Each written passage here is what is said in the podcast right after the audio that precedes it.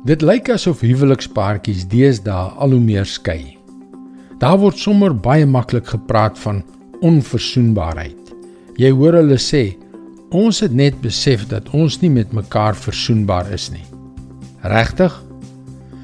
Hallo, ek is Jockey Gouchee vir Bernie Diamond en welkom weer by Vars.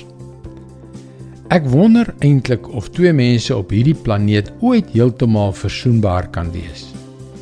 En kyk, voordat 'n man en 'n vrou trou, moet hulle praat oor belangrike dinge soos kinders, loopbaan, ambisies, waar hulle wil woon ensovoorts. Dis noodsaaklik as hulle idees voor die troue reeds te veel oor belangrike kwessies van mekaar verskil, moet hulle eenvoudig nie trou nie. Maar as hulle eers getroud is, is dit dit. Of dit moet ten minste dit wees. En tog skei soveel mense nog steeds op gronde van onverzoenbare verskille.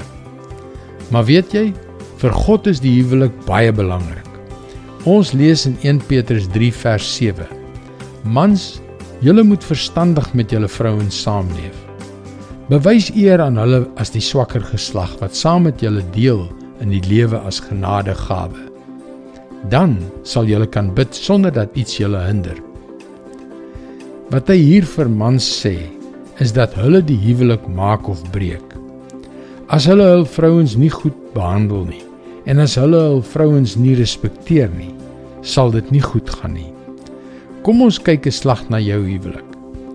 Watter rol het God jou geroep om te speel? Wat kan jy prys gee om jou huwelik te verryk of dit selfs te red? En net in geval jy dit nie mooi verstaan nie. Mans, As jy nie jou deel teenoor jou vrou nakom nie, sal God ophou om jou gebede te verhoor. Dit is hoe ernstig hy daaroor voel. Om dit eenvoudig te stel, jou huwelik is wat jy daarvan maak. Dit is God se woord vars vir jou vandag.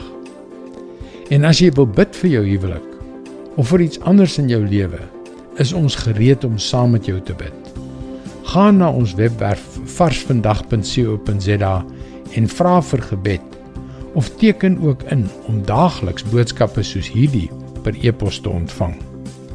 Luister weer maandag op dieselfde tyd op jou gunstelingstasie na nog 'n vars boodskap. Seënwense en mooi loop.